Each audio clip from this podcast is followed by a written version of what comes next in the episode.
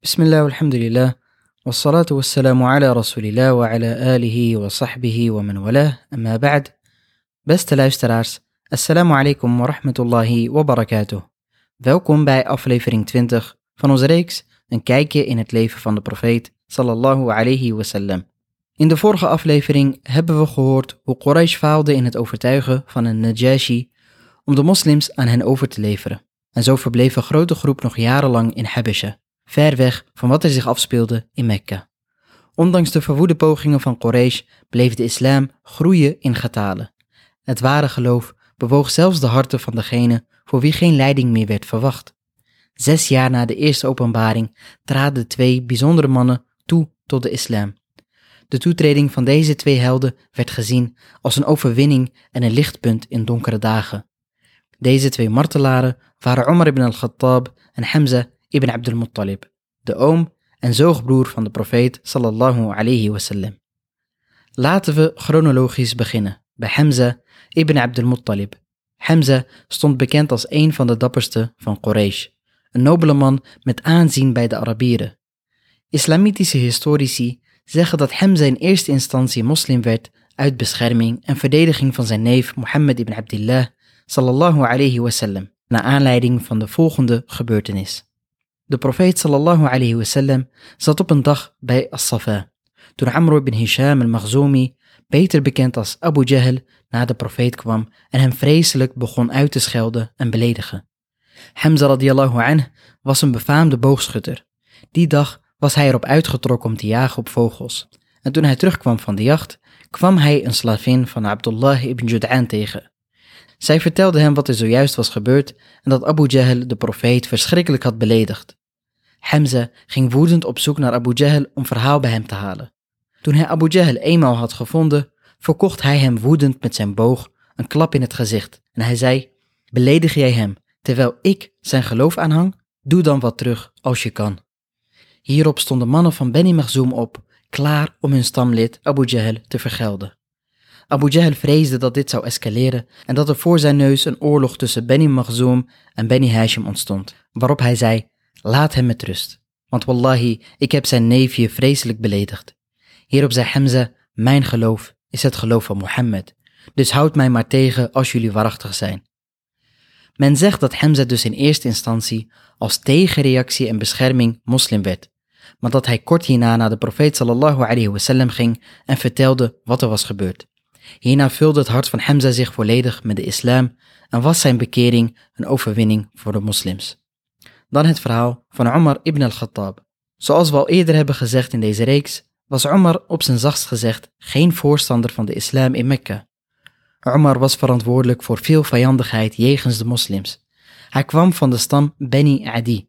Hij was een sterke man met charisma en kon veel invloed uitoefenen op anderen.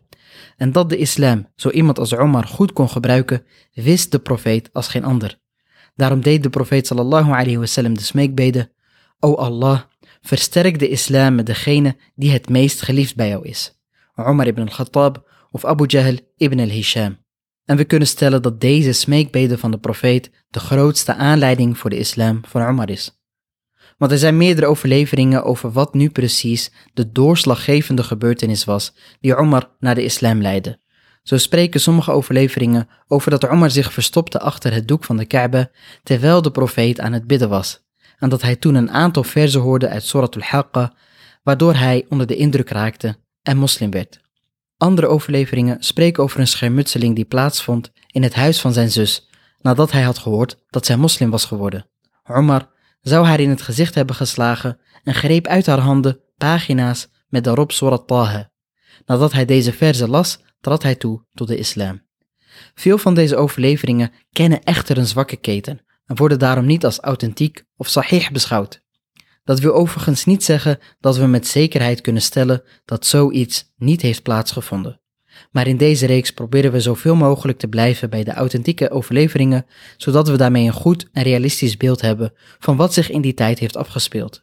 Dus wat we met zekerheid kunnen zeggen, is dat de profeet een smeekbede heeft gedaan voor Omar, die Allah tabarak wa ta'ala heeft verhoord. En waar ook geen twijfel over bestaat, is dat de Koran uiteraard indruk maakte en aanleiding was voor velen om toe te treden tot de islam. In een authentieke overleveringen vertelt Abdullah, de zoon van Omar, over de dag dat zijn vader zijn islam bekend maakte aan Quraysh. Abdullah zei, toen mijn vader moslim werd, vroeg hij de mensen wie van Quraysh is het snelst in het verspreiden van nieuws. Daarop werd gezegd Jamil ibn Ma'mar al-Jumahi. De volgende ochtend ging hij naar hem toe. Ik volgde hem en keek wat hij deed. Ik was nog jong, maar begreep alles van wat er gebeurde. Omar kwam bij hem en zei, Ja Jamil, wist jij dat ik moslim ben geworden en het geloof van Mohammed aanhang? Wallahi, hij stond gelijk op en mijn vader volgde hem en ik volgde mijn vader, tot hij bij de moskee aankwam en het volle borst schreeuwde, Omar is een Sabier geworden. Waarop Omar zei, hij liegt, ik ben moslim geworden, ik getuig dat niemand het recht heeft aanbeden te worden naast Allah en dat Mohammed zijn dienaar en boodschapper is. De mannen van Quraysh begonnen hem aan te vallen. Zij vochten en vochten tot de middag waarna Omar moe was geworden.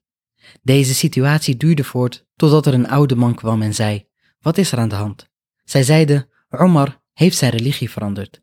Hierop zei hij, en wat dan?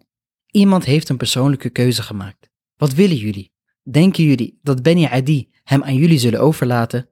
Laat de man met rust.